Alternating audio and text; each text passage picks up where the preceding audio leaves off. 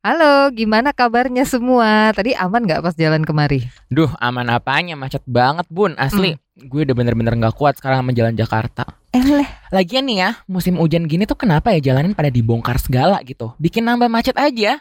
Jalan dikit ada perbaikan jalan. Maju lagi eh ada yang bongkar pipa. Sampai di ujung sana tuh ada benerin kabel. Duh, nggak ngerti deh gue sama Jakarta nih. Sabar, sabar, sabar cuy, sabar. Tapi emang gue setuju sih. Ini tuh kayak apa ya? Kayak ciri khas akhir tahun gitu loh kayaknya. Perbaikan jalan sana sini kayak Hmm? yang diperbaiki kok jalan doang sih. Perbaikan. Pemerintahannya enggak. Em- eh, eh, eh, eh, eh, belum mulai udah sat, sat, sat. Iya, iya. Eh Maaf, bentar, maaf. emang Oke. ada yang rusak? Maintenance kali maksudnya. Ya Ini- itu kan Ini gawat. soal-soal penyerapan.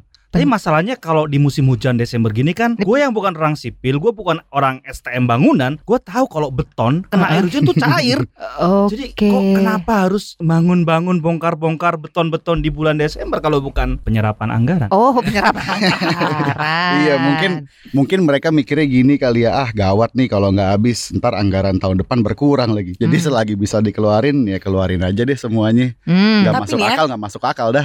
Kayaknya menurut gue tuh jalanan yang justru baik-baik aja yang malah diaduk sana sini gitu. Justru jalanan yang rusak, yang bolong tuh diabaikan gitu. Apa perasaan gue aja ya? Ye, jangan kebanyakan main perasaan, Bun. Udah mau ganti tahun nih. Eh, gimana kalau kita keluarin semua perasaan? Eh, bahasan terhangat sepanjang tahun di FOMO Sapiens kali ini deh ya. Saya Malika. Dan saya Ian Hugen ketemu lagi di FOMO Sapiens dari KBR Prime Jalan pintas yang gak akan bikin kamu ketinggalan berita atau peristiwa di sekitar kamu Edisi kali ini masih barengan teman-teman dari podcast Hamburger, sebuah ruang terbuka yang ngebahas isu sehari-hari dari kacamata ham. Ada siapa nih? Awigra. Dan gua Jess. Justak, justak.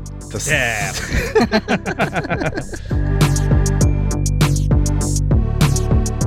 Eh tapi ngomong-ngomong soal kebiasaan akhir tahun kan eh, kalian biasa pada ngapain sih? Kontemplasi buat bikin resolusi baru atau apa kali gitu nggak? Gila kontemplasi. Gua ngomong sama anak-anak.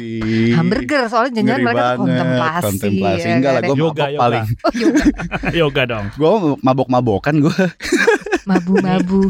mabu-maburan. Ih, jujur banget ya kan ya. Eh, lah, kenapa harus bohong gitu? Lo ngapain Wi? Kalau gue jelas membuat satu resolusi untuk perbaikan kehidupan Oh, oke. yang akan datang. Oh iya. Untuk masa depan yang cerah ceria. Optimis Adik. banget ya bahasan kita kali Gue ini. soalnya dari tahun ke tahun resolusi gue 144 pixel doang. Nggak jelas itu. Blur aja. Blur. Tapi Iya, menarik iya, banget iya, sih kalau iya. kita ngomongin soal resolusi akhir tahun dan akhir tahun itu sendiri ya Karena Mm-mm. kayaknya emang momen yang tepat untuk merefleksikan nih Tahun ini kita udah ngapain aja sih Mm-mm. Udah berapa banyak gitu resolusi di awal tahun yang tercentang ya nggak? Masalahnya kalau nggak bikin gitu gimana? Ya harus dong Nah, mending kita langsung aja ngomongin soal kira-kira rapor Jokowi ya di tahun ini. Kan kita lagi ngomongin soal merefleksikan perjalanan setahun nih. Oh, akhir tahun baru habis Natalan, kita bagi-bagi kado, ya kan? Bener Hmm. banget. Eh tapi kita Jadi mau bagi-bagi. ngomongin rapor Jokowi. Nah, itu aja kali ya. Mungkin ini ya sama kayak warna partainya ya. Eh apa? Apa ya, Pak? Kalau gue sih enggak, gue terkait sama apa yang tadi kita bahas. Hmm. Rapornya itu ya memperbaiki infrastruktur aja. Saya Eh, Iya iya iya iya. Bapak pembangunan infrastruktur kita. ah, ah. sama seperti Soeharto ya berarti. Nah, iya nih kan Jokowi ini em, nyuruh semua jajarannya tuh untuk kerja, kerja, kerja aja tuh. Emang kalau dilihat secara angka nih ya, kita bisa Mhm. lihat adalah pembangunan di sana sini gitu. Misalnya, dari contekan gue sekarang nih ya, ada sejumlah capaian pembangunan tahun ini mulai dari pembangunan rumah susun dan rumah khusus kurang lebih sekitar 53 unit, terus juga pembangunan Banyak. jalan. Jalan cukup Hmm. panjang nih, ada 965 km, Edan. ada jembatan juga 446 km dan bandara ada di 10 lokasi. 10 coy ya. Ini Sepuluh. pelita ya, ini Gua pelita ya. gue. Eh, eh, tapi nggak cuma itu nih. Ada juga jaringan gas bumi rumah tangga sampai pembangkit listrik tenaga surya buat rooftop dan cold storage. Nah, Hmm. kalau dilihat dari jumlah anggaran tahun ini, emang ada peningkatan sih. Lumayan lah, 48 persenan dibandingkan tahun lalu yang sebesar 281 triliun. Iya, Penyerapan lagi.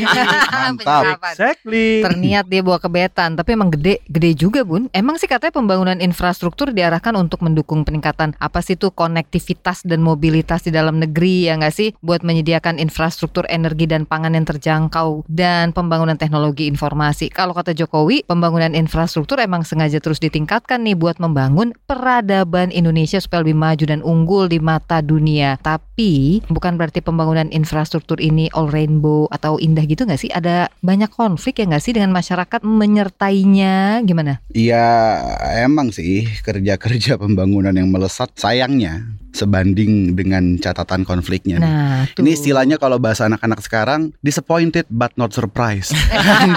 Kayak lo udah tahu aja bakal Kayak akan cukup kayak- tahu iya, ya, iya, cukup gitu tahu. kan. Kalau dari data Komnas HAM yang baru aja dirilis, kita bisa lihat nih, ada 541 kasus dugaan pelanggaran HAM yang diakibatkan oleh konflik agraria sepanjang 2021.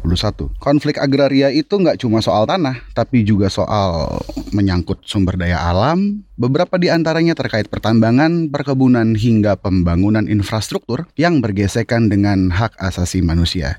Komnas HAM itu mendata kalau nggak salah itu ada 2.721 pengaduan soal dugaan pelanggaran HAM sepanjang Januari hingga 15 Desember 2021. Karena laporannya masih hangat ya, baru jadi rilis. Gak kaget sih sebenarnya. Mm-mm. Mayoritas masyarakat melaporkan lagi-lagi dan lagi aparat kepolisian sebagai pihak yang diduga melanggar HAM paling banyak yaitu Wow. sebanyak 661 aduan. Lalu jadi catatan juga sepanjang tahun ini kita masih melihat berbagai kekerasan dalam bentuk penggunaan kekuatan yang berlebih atau excessive use of force gitu ya. Iya, iya. iya. Penyiksaan, kemudian tindakan lain yang kejam dan tidak manusiawi terjadi di berbagai penanganan unjuk rasa di hampir semua daerah. Bahkan Komnas HAM juga menyinggung dugaan penyiksaan yang terjadi di rutan kepolisian dan lembaga masyarakat masih terus jadi. Terjadi peristiwa kematian di ta- tahan rumah tahanan Polres Bengkulu Utara, Polres Tangsel, Polres Balikpapan dan Polres Tangerang Kota. Ini semua kita berita kita tahu nih ya. Ya ini catatan Komnas ya. ini soal-soal apa namanya komitmen untuk tidak melakukan penyiksaan ini juga menjadi PR berat. Kemudian yang paling parah tahun ini yaitu mungkin teman-teman masih ingat yaitu kebakaran uh, lapas kelas 1A Tangerang Wah, ya. itu ngeri. Itu 8 Asli, September asli. uh, tahun ini. Ini uh, menurut saya harus terus diusut ya tuntas baik dari segi siapa yang bertanggung jawab, nggak cuman aktor lapangan tapi juga uh, ini kan juga uh, problem serius tuh di kelembagaan khususnya di Kumham ya. nggak boleh terjadi ada lagi pembiaran, Ah, iya, usah. kelalaian. Tapi saya ingin melihat kayak gini. Ini laporan Komnas, laporan yang berdasarkan pengaduan Mm-mm. dan dan pengalaman masing-masing komisioner dalam menangani kasus.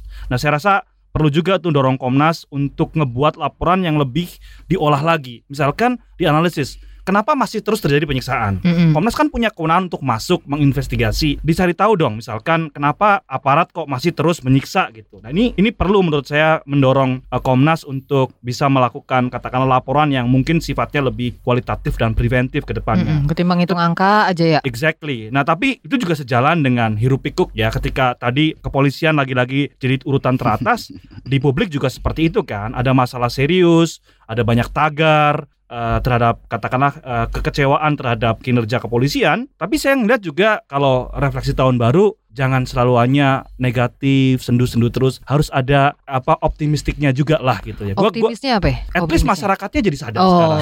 Hmm. Jadi at least masyarakatnya masyarakatnya mak- lebih bawel dibanding tahun-tahun. Exactly, itu penting. Iya itu penting. benar. masyarakatnya berpartisipasi. Iya. Kalau masyarakatnya diam, aparatnya kayak gitu, Wah. udah nggak ada ruang. Berarti Benar. positif setnya sadar kalau semua ini buruk gitu ya. Nah, tapi kan kita sadar dan protes. Nah, Benar.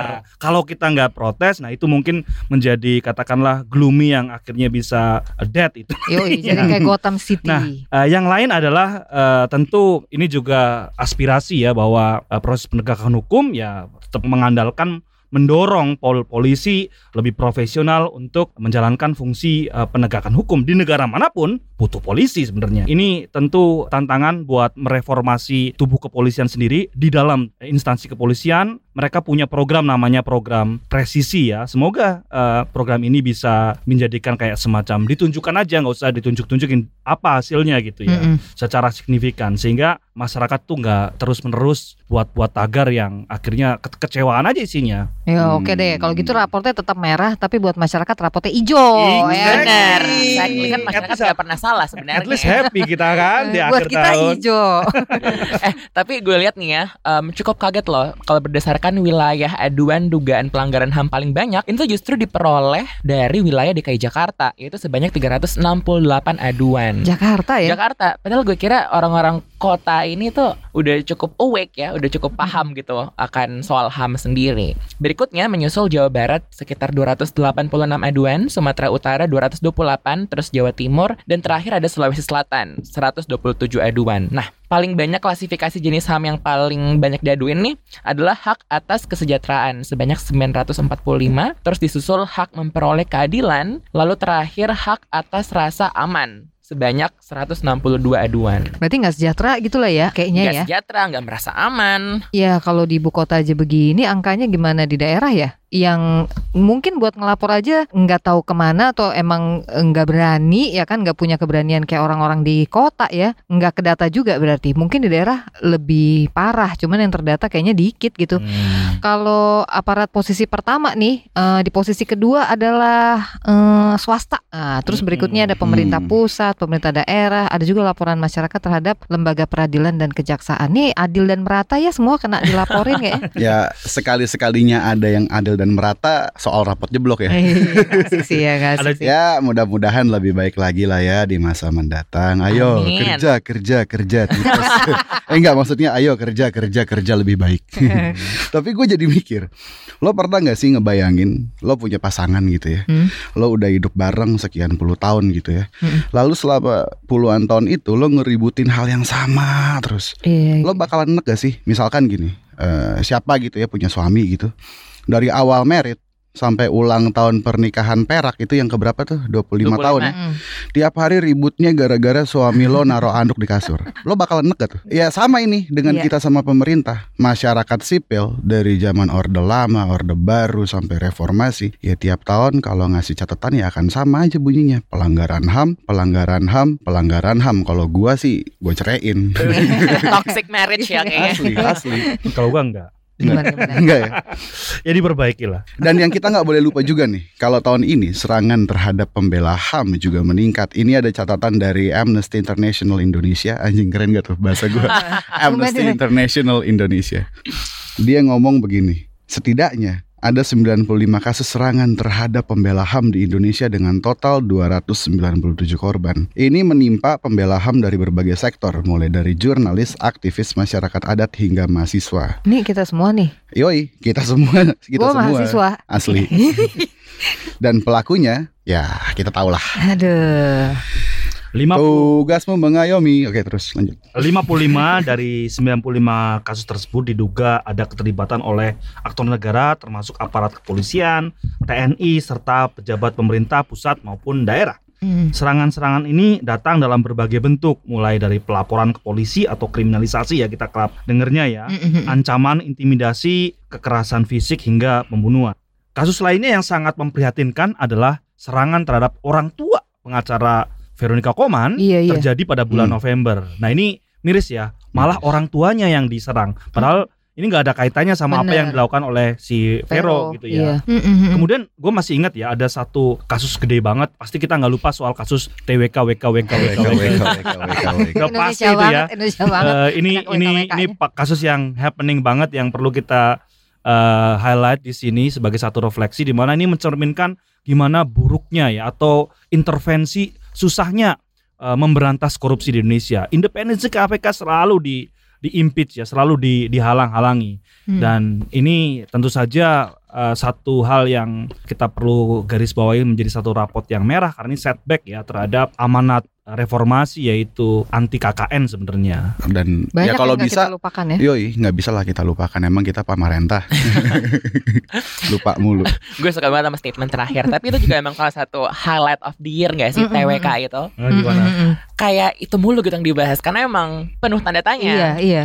Tapi ini nih ada yang happening banget yang tidak bisa kita lupain juga adalah kasus serangan kepada direktur eksekutif eh, Lokataru Haris Azhar dan koordinator Kontras Teman kita. Fatia Mauli Dayanti. Hmm. Kan keduanya kan pernah dilaporkan tuh oleh Menteri Koordinator Bidang Kemaritiman dan Investasi dengan menggunakan pasal pencemaran nama baik di dalam UU ITE.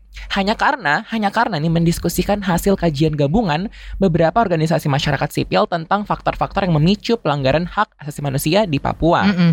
Termasuk di antaranya dugaan keterlibatan beberapa tokoh-tokoh militer dalam industri tambang. Nah, kasus ini kan masih terus diproses kan oleh polisi sampai sekarang nih. Iya. Iya. Tapi please dong kasih tahu em, kan kita dari tadi udah ngomongin yang buruk-buruk nih ya. Ada nggak hal-hal Untung kita sudah baik melewati itu gitu? semua. Enggak ya, belum. Eh belum dong. Ini cuma ngebahas yang udah ongoing tapi masih banyak yang Hmm. berlangsung. Betul. Tetap semangat Ian. Sambil dipupuk tapi waspada, tapi waspada. biar kedengeran. gue kayaknya hampir setahun jadi apa namanya anchor di sini kayak mental gue juga makin buruk nih ya. Jadi gini, uh, soal mental health ya. Jangan-jangan problemnya bukan soal mental health. Tapi Jangan-jangan yang gila itu situasinya. Jadi Mm, bukan kitanya. coba dong kasih tahu tapi situasi yang bikin hati tenang gitu. Ada Bentar lagi Ian bilang itu tolong dalam kontrak ditulis soal ini ya. Mental health. apa yang bikin happy ya? ya kalau yang optimis-optimis kan bagian lo mas. Kalau gue yang pesimis-pesimis Ya. aja. Masih ada satu raport lagi sih Ya. yang, Apa tuh? eh, Apa yang, tuh? yang belum belum Apa tuh? belum kita kasih nih ya kan buat wakil rakyat kita tercinta ya. Hmm. Nilainya jeblok gak nih?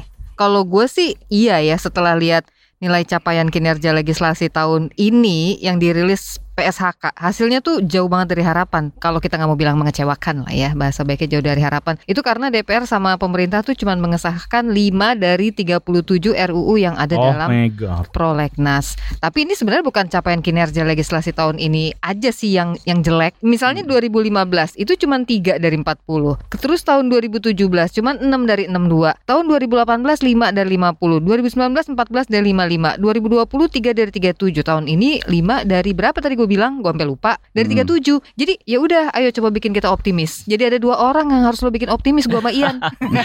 Tapi sebelum kita ke optimis ada yang mau gue tambahin dikit lagi. Go go go go. Yang paling bikin nyesek tuh RUU Ya TPKS itu. ini tuh yang nyangkut lagi itu saudara-saudara kayak ribuan purnama tuh nggak selesai-selesai. Hmm. Ini saya emang kayaknya minim kemauan ya sehingga RUU ini nggak pernah jadi prioritas. Belum lagi perang narasi yang nggak berkesudahan gitu. Yep, Ayo yep, lo. yep. Tanggung jawab lo Jess menyemangati kita.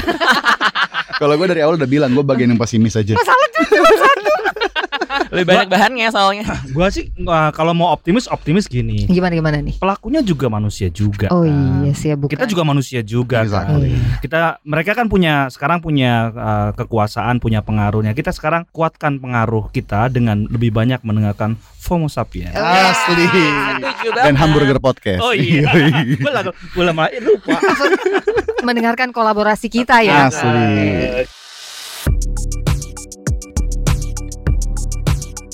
Eh, ini ada yang ajaib nih ya kan. Kemarin tuh sempat ada wacana buat mengganti PNS dengan robot yang pakai kecerdasan buatan itulah ya kan. Sekarang muncul aturan soal aparatur sipil negara ASN ya PNS supaya ikut serta dalam pelatihan anggota komponen cadangan Komcat. Oke, namanya. Wadaw. Ini bakal jadi tentara cadangan katanya gitu untuk mempertahankan negara. Ya, Wadaw. udah ada surat edarannya sih nih yang dikeluarin Menpan RB Cahyokumolo. Tapi sebenarnya the question is mempertahankan negara dari apaan sih? Hah? dari godaan setan untuk apa gitu korupsi? Setan terkutuk. Nggak ngerti gitu gue kenapa pemerintah ini demen banget sama militer-militer gitu. Nggak kurang apa emang jumlah anggota militer di Indonesia nih? Ngomong-ngomong soal militer nih yang lagi anget kan obrolan netizen tuh yang budiman tuh ya kan di Hmm. negeri Wakanda soal kasus tabrak lari itu enggak sih? Hah, itu di luar batas Nalar. kemanusiaan asli, kita enggak asli. sih? Iya. Parah, pasti pada ngikutin kan? Mm, mm, mm. Nah kalau kata Komandan Pusat Polisi Militer Angkatan Darat nih ya, Letjen TNI Chandra Sukojo, beliau tuh bilang proses penyidikan kasus tabrak lari di Nagrek Kabupaten Bandung Jawa Barat ini tuh akan dipusatkan di Puspom AD. Eh tapi Hmm. kalau kasus semacam ini kan korbannya warga sipil Hmm. Pidana Hmm. umum kan, mereka bisa diprosesnya di pengadilan umum atau militer ya? Gimana sih tuh ceritanya? Ada yang paham nggak? Mungkin Hmm. Awi nih paling paham kayak gini. Iya ini balik-balik lagi nih soal eh, SSR ya yang kemarin eh, minggu Kita lalu bahas kita juga. bahas ya atau security sector reform atau reformasi sektor pertahanan Keamanan. keamanan ya Yoi. dan salah satunya yang ngomongin soal eh, peradilan eh, militer. Nah, kalau kita lihat aturan di Undang-Undang 34 tahun 2004 tentang TNI ya, sebenarnya tidak dibatasi apakah anggota TNI sedang menjalankan tugas atau tidak, sedang menggunakan seragam atau tidak, sehingga dapat diartikan bahwa sekalipun anggota TNI tidak dalam menjalankan tugas ataupun tidak menggunakan seragam, tetap wajib untuk mematuhi ketentuan mengenai TNI. Ini apa namanya aturannya. Jadi Hmm. eh, TNI itu melekat itu apa artinya tuh tugas itu melekat. Ya tapi kok kelakuannya kayak Ntar gitu? dulu. Asik. Hmm. gue demen nih kalau dia Ntar udah ngomong. Tar dulu. Nah, demen. Ntar Demen gue. Nah, kemudian dijelasin lagi nih eh, di eh, apa namanya pasal 9 Undang-Undang 3197 khususnya tentang peradilan militer nih Mm-mm. sebagai berikut. Eh, Pengadilan di dalam lingkungan peradilan militer berwenang untuk satu mengadili tindak pidana yang dilakukan oleh seseorang yang pada waktu melakukan tindak pidana adalah satu prajurit Mm-mm. yang berdasarkan undang-undang dipersamakan dengan prajurit Mm. anggota satu golongan atau jawatan atau badan yang dipersamakan atau dianggap sebagai prajurit berdasarkan undang-undang.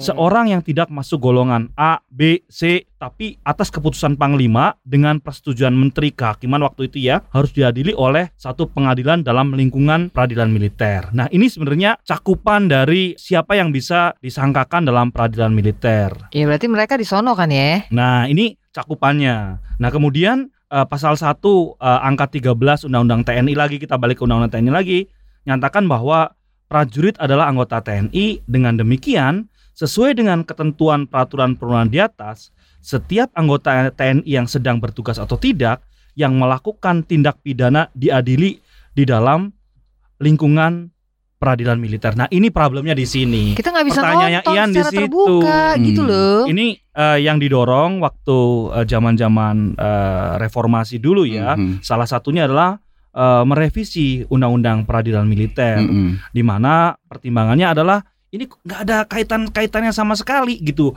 dengan operasi militer, dengan Hmm. tugas militer dan jelas kena sama warga sipil. Kenapa itu harus kemudian diambil ya atau eh, masuk ke dalam jurisdiksinya undang-undang eh, pengadilan militer ini? Nah, gue gua, gua penasaran nih. Berarti maksudnya adalah kalau misalkan kasus-kasus kayak gini seharusnya itu si prajurit yang menjadi pelaku tindak kriminal ini harusnya itu diadili dalam peradilan umum, bukan peradilan militer gitu. Nah, pasal 65-nya mengatakan seperti ini, Jess. Hmm. Selama undang-undang peradilan militer yang baru belum dibentuk, tetap tunduk pada ketentuan undang-undang 3197 tentang peradilan militer. Jadi ada kekosongan hukum di sini. Hmm. Kalau belum direvisi, maka tetap aja eh, nggak ada kita untuk mengadili anggota yang dianggap sebagai anggota dan sebagainya dalam cakupan undang-undang peradilan militer ya akhirnya diambil lagi dan ini kan dulu nuansanya adalah untuk mengakhiri kejahatan impunitas orang tuh kebal terhadap hukum karena begitu kejadian ke aparat katakanlah Hmm. ya kita nggak bisa kebuka kan eh, prosesnya gimana di dalam Hmm. transparansinya gimana akuntabelnya Iya, iya, sekarang iya, Jenderal iya. Andika sudah ngomong kan, bahkan belum melalui peradilan uh, akan dihukum apa? Penjara seumur hidup. Seumur hidup ya. Jenderal Andika ya mungkin ngikutin proses peradilan dulu kali ya. Tapi ya kan Memang tahu. cruel juga, tapi kan harusnya ada, ada proses peradilan dulu kan, biar tetaplah yang namanya due process of law jalan. Tapi pengennya tuh kita bisa tahu ya karena ini melibatkan warga sipil gitu kan. Dulu kan Itu sempat ada tuh yang apa peracunan siapalah gua lupa sih inget gak yang ngeracunin terus peradilannya terbuka bisa ditonton Oh iya iya iya iya, yang rame itu Yang yang, rame di GI, itu. yang di yang Iya, di- Jessica. Jessica. Mila, eh Iya. Jessica Mirna itu. iya itu kan itu jadi perhatian publik begitu ya. besar dan publik bisa melihat jalannya Bisa seperti apa iya. itu udah lebih lebih trending ketimbang sinetron sinetron loh itu terjadi Benar, dalam benar. real life gitu Real maksudnya life. jadi perhatian publik sekarang kan ini nih ya Mm-mm. kan Tapi kalau yang gue perhatiin nih di masyarakat nih terkait kasus ini, mereka mulai ngomong begini ya bagus lah kalau misalkan si siapa namanya si dua orang prajurit tadi diadili secara peradilan militer kan Kenapa? peradilan militer itu akan lebih kejam bla bla bla. Macam dia tahu. Macam dia tahu.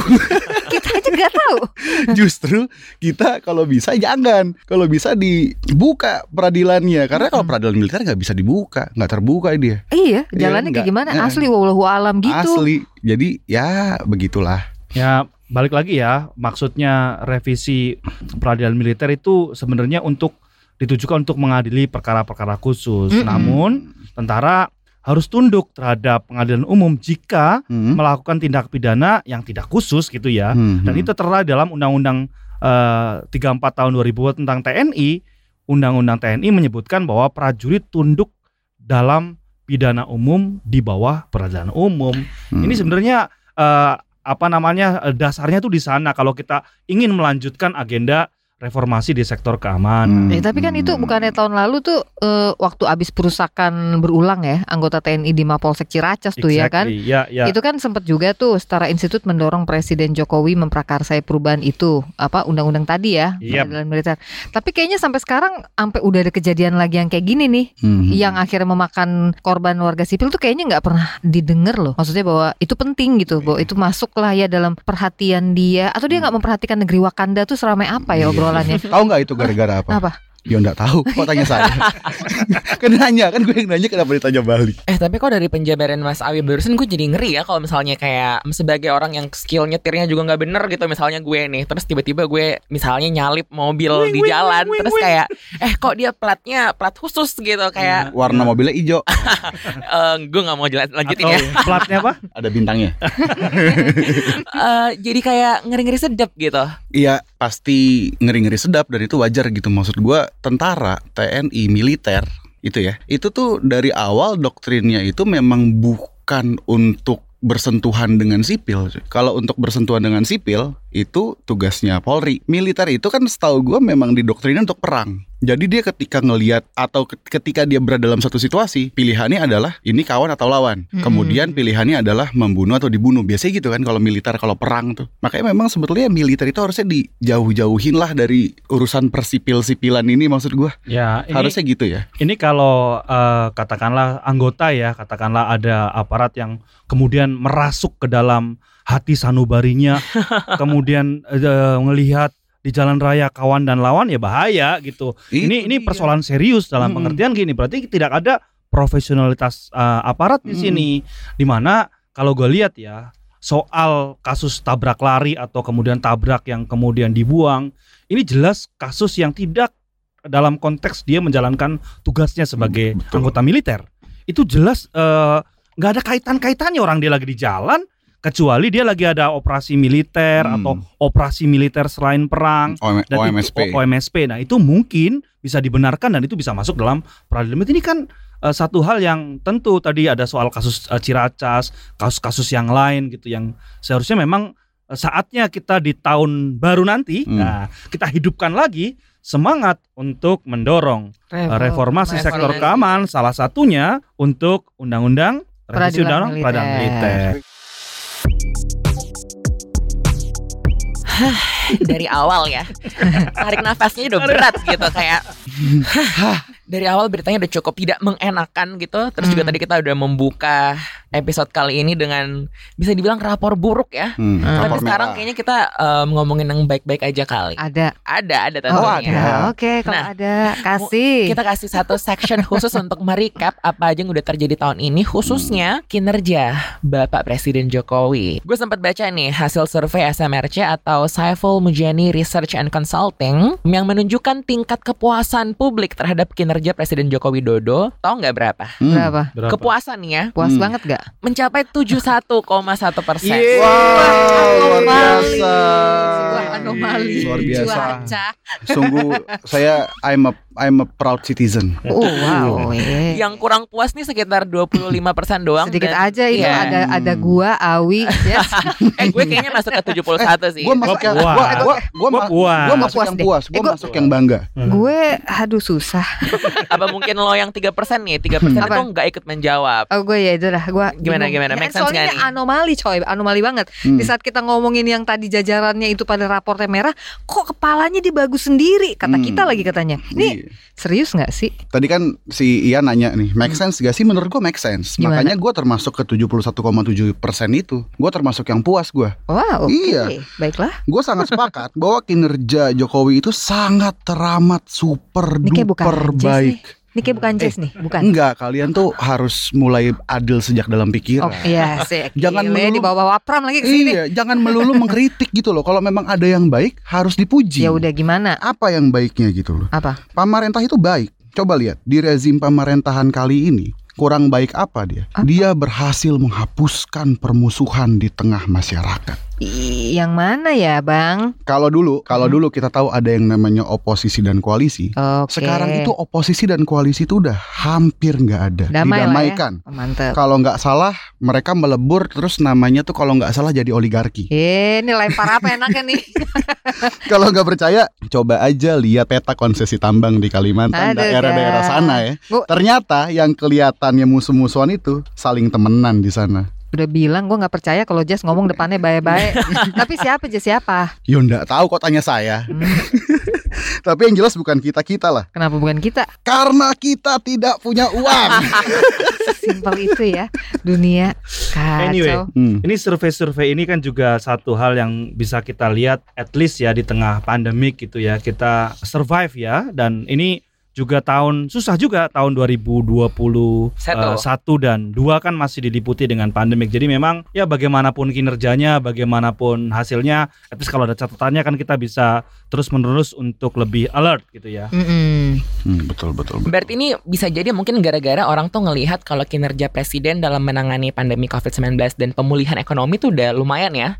Karena survei yang sama juga menunjukkan nih mayoritas responden sebesar 75% yang merasa puas dengan penanganan pandemi COVID-19. Meanwhile nih dibandingkan sama tahun lalu itu tuh cuman kayak 61%. Jadi ada peningkatan gitu. Ini emang orang kita tuh emang mudah lupa ya kan, gampang skip karena situasi yang sangat tertekan kali ya. Karena kan dulu pernah tuh ada pernyataan ajaib dari pemerintah kayak corona nggak akan masuk RI berkat doa ya kan sampai Hmm. corona nggak masuk RI karena masyarakat Indonesia doyan makan nasi kucing ya kan itu kan yang bikin muncul reaksi beragam dari masyarakat kalau Asli, kalau sekarang asli, dibilang ya. pada puas nih ya mungkin sih ya iya, Iya. mungkin ada sih Udah nggak mau ngomong lebih ya udahlah komentar-komentar kayak gitu. Ada juga dulu komentar yang katanya corona bisa diusir dengan doa kunut. nah Jadi kita punya wakil presiden jarang ngomong, sekalinya ngomong kayak gitu. siapa sih itu Amin. Tapi itu semua Amin. bukan dia kan. Ini kan yang disurvei kan kepalanya. Kepalanya. Ini Iya, iya, ngomong iya, masih iya, jajarannya iya. dari tadi iya, emang iya. Enggak, enggak maksud gua udahlah muncul komentar-komentar ajaib seperti itu yang seharusnya tidak keluar dari mulut Iya penyelenggara negara gitu ya. Iya. Kita masih diperhadapkan lagi soal amburadulnya karantina, terus enggak tegasnya pemerintah dalam hal pembatasan sosial, bahkan korupsi bansos terjadi di kala Itu. pandemi. Eh, Nggak, Ah, nggak, ini nggak. juga menarik tuh oknum, oknum, oknum, itu oknum. Juliari Woi. Nah, bebaskan Juliari Bebas, gile tuh Edan emang tuh. asli. Asli. Ah, Juliari uh, koruptor idaman bosku oh dia keren loh itu keren. ya Oke. Julia, Julia, Julia keren. coba bayangin coba gimana Jas Dia itu tahu bahwa orang Indonesia nggak pada suka nabung. Hmm. Hmm. Makanya dicomotin sepuluh ribu sepuluh ribu tuh sama dia. Istilahnya ya udah sini Oh. lo nggak mau nabung gue yang tabungin. Ditabungin baik banget tuh Baik banget Juliari. futuristik gitu kan Asli asli Edan, asli edan, asli. edan. Yang kayak gitu kan orang lupa ya. Jadi Nah, puasnya ini di bagian mana tuh? Gue masih Iya. penasaran loh. rupanya dia baru nyadar, oh ternyata Juliari itu mengajarkan gue untuk menabung kan gitu. Ah, luar biasa, Ah, luar biasa. Small things matter ya. Small things matter. Nah, nah, nah, nah, ini ada eh, masih dari SMRC nih ya. Ada 41,1 persen publik juga menilai bahwa korupsi di Indonesia secara umum saat ini lebih banyak dibandingkan dengan tahun lalu. Nah, Jadi lebih banyak korupsinya. Hmm. Pemberantasan korupsi hancur di era Jokowi. Lalu ada 22,1 persen warga yang menilai bahwa kasus korupsi Indonesia semakin sedikit. Jadi ada sekitar 20-an persen ya mengatakan semakin sedikit. Dan 31,1 persennya menilai sama aja. Pertanyaannya, emang benar kasus korupsi makin dikit atau emang nggak ketahuan aja gara-gara KPK-nya di TWK WK itu dia. Iya, iya, iya. Itu dia. tapi emang jadi kalau dari pemberitaan nggak sebanyak dulu sih ya, apalagi yang gede-gede ya. Iya kayak Juga karena karena pemberitaan sekarang se- sepanjang 2 tahun kali ya, covid covid aja. karena nggak kedetek. Nggak kedetek. Sama kan kayak angka COVID rendah ternyata bukan gara-gara nggak ada yang kena COVID tapi gara-gara nggak kedetek sama. Menurut gue sih gitu aja. Korupsi nggak kedetek aja nih makin banyak ya karena KPK-nya udah begitu. Tapi yang jelas kalau dilihat dari data tahun ini adalah ratusan kasus korupsi, Cih, ratusan kayak banyak, 101 itu dengan Hmm. total tersangka 116 itu sepanjang 2021. Jadi Hmm. bukan dikit sih sebenarnya satu kejahatan ya enggak sih itu udah gak bisa dihitung sedikit ya Iya, kan. Iya iya iya. Tapi emang nggak terlalu banyak denger sih ya. Biasanya nih. Kalau ada operasi tangkap tangan misalnya jedar gitu. Meriah banget kan biasanya. Nah kalau sekarang itu yang bikin meriah ya berita soal pimpinannya, ya nggak sih? Udah nggak pernah dengar lagi tuh Naik helikopter Ya, eh. luar biasa. Nah, jumlah OTT tahun ini atau operasi tangkap tangan itu dibandingkan dengan tahun-tahun sebelumnya itu memang turun. Kalau kita ingat-ingat tahun 2018, tahun 2019, kayaknya tuh tiap tahun KPK bisa OTT sekitar 30 atau ya 20 30 kali lah. Sedangkan sejak eranya Firly Bahuri memimpin yaitu sejak 2020 hanya terdapat tujuh kali atau lima kali OTT di 2021. Ya, beginilah hidup di zaman di mana para penegak hukumnya, mereka yang harusnya merantas korupsi, polisi, jaksa nih ada ada jaksa juga di sini, penegak hukum nih. Khususnya di ka- kasus uh, buronan Joko Chandra ya. Kita lihat ada dua katakanlah jenderal ya, uh, bintang dua di kepolisian yang masuk dan juga uh, seorang jaksa di di di kasusnya Joko Chandra. Jadi memang kita tuh diliputi sama aparat yang seharusnya menegakkan hukum, Tapi memberantas terdepan, korupsi, malah terdepan terdepan untuk membela para koruptor. Wow, hati-hati dong ngomong. Hati-hati. Kok jadi hati-hati loh. Negatif lagi gue ya. gue coba dari tadi mau padahal- membangunkan Tadi gue udah gue buka nih energi energi. Jadi- jadi untuk rupanya- rapot biru. Rupanya begini, Hmm. rupanya. dari tadi dia mau membawa Iya, iya. Jadi nggak usah terlalu memaksakan diri untuk positif kalau memang situasinya sedemikian negatif. Jatuhnya toxic positivity ya. Akhirnya dia capek sendiri. gue bukan ngebela-bela, gue gue fair-fairan aja. Melihat sisi lain Polisi, ya. KPK, jaksa, Hmm. hakim sebenarnya juga ada di situ. Panitera kalau kita mau jujur ya. Asli, asli, asli, asli, asli. Aduh, mengecewakan. Tapi eh, mungkin gegara dari tadi tuh kita ngomongin soal pemerintahan aja kali ya. Kita mungkin bisa lihat Makanya negatif mulu ya. exactly. Nah, Kita Ya, apa ya? eh, Coba ya. Misalnya nih kita ngomongin soal apa ya? Olahraga, Lagi mikir, lagi olahraga, mikir, apa olahraga. yang baik? Olahraga. Olahraga. Oke. Kayak kemarin nih pas em, Piala AFF kan Indonesia masuk final ya. Oh. Wih, bersyukur Masuk dong. final melawan Thailand walaupun Kalah 4-0. kan masih ada satu babak lagi. Iya. Tapi Berarti perjuangannya dong. Di babak Bran. kedua Indonesia harus menang 5-0 Atau 4-0 dulu ya. atau 4-0 dulu Atau terus. selisih 4. Iya. Nah, Iya, 4-0 kan namanya. selisih 4. Tapi gue nggak sedih-sedih banget sih, sebab mereka berjuang, bertanding, bertarung dengan semangat sportivitas, tidak ada kecurangan Hmm. dan segala macam. Kalau angkanya segitu, Nggak ada korupsinya? nah iya, jadi ada satu ruang di mana Mhm. Kita bisa optimistis ya. iya. Setidaknya bisa em, diselebrasi hal-hal baiknya ini. Iya. Tapi Semangat juang. tapi ada yang aneh. Apa? Gimana? Organisasinya namanya PSSI. Iya. Oh, Persatuan kita Sepak Bola lagi. apa? Persatuan Sepak Bola Seluruh? seluruh Indonesia. Iya. Tapi ketuanya bule.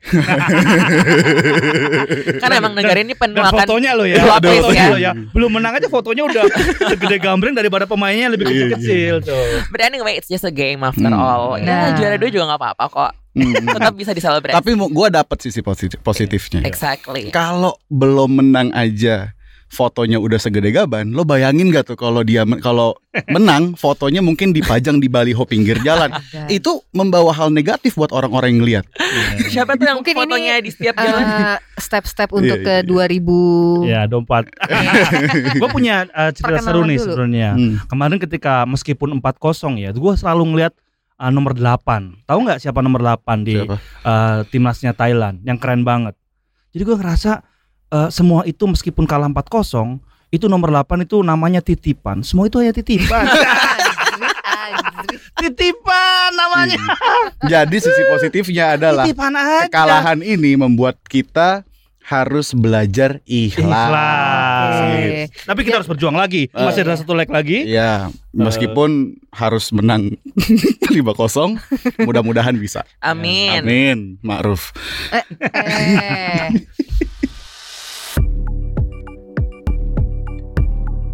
Ini ada yang nyalain kembang api atau apa nggak sih ntar malam? Detal Hmm. 31 kan. Gue lilin aja deh biar dapat rezeki banyak. Cailah kayak Keren mau ngepet. Gue sih mau nyalain semangat gue untuk lebih optimis sama negeri ini di tahun depan. Harus. Nyalainnya pakai apaan? Eh? Tahu. Gak tahu pakai apaan. Asal Masih belum nemu. Asal jangan LPG ya. Jangan dong. Ya udahlah, kita bungkus dulu sampai di sini nih ya. Saya Malika. Awikra. Jazz. Dan saya Ian Hogan. Sampai ketemu pekan depan. Bye. Bye. Happy New Year. Happy New Year.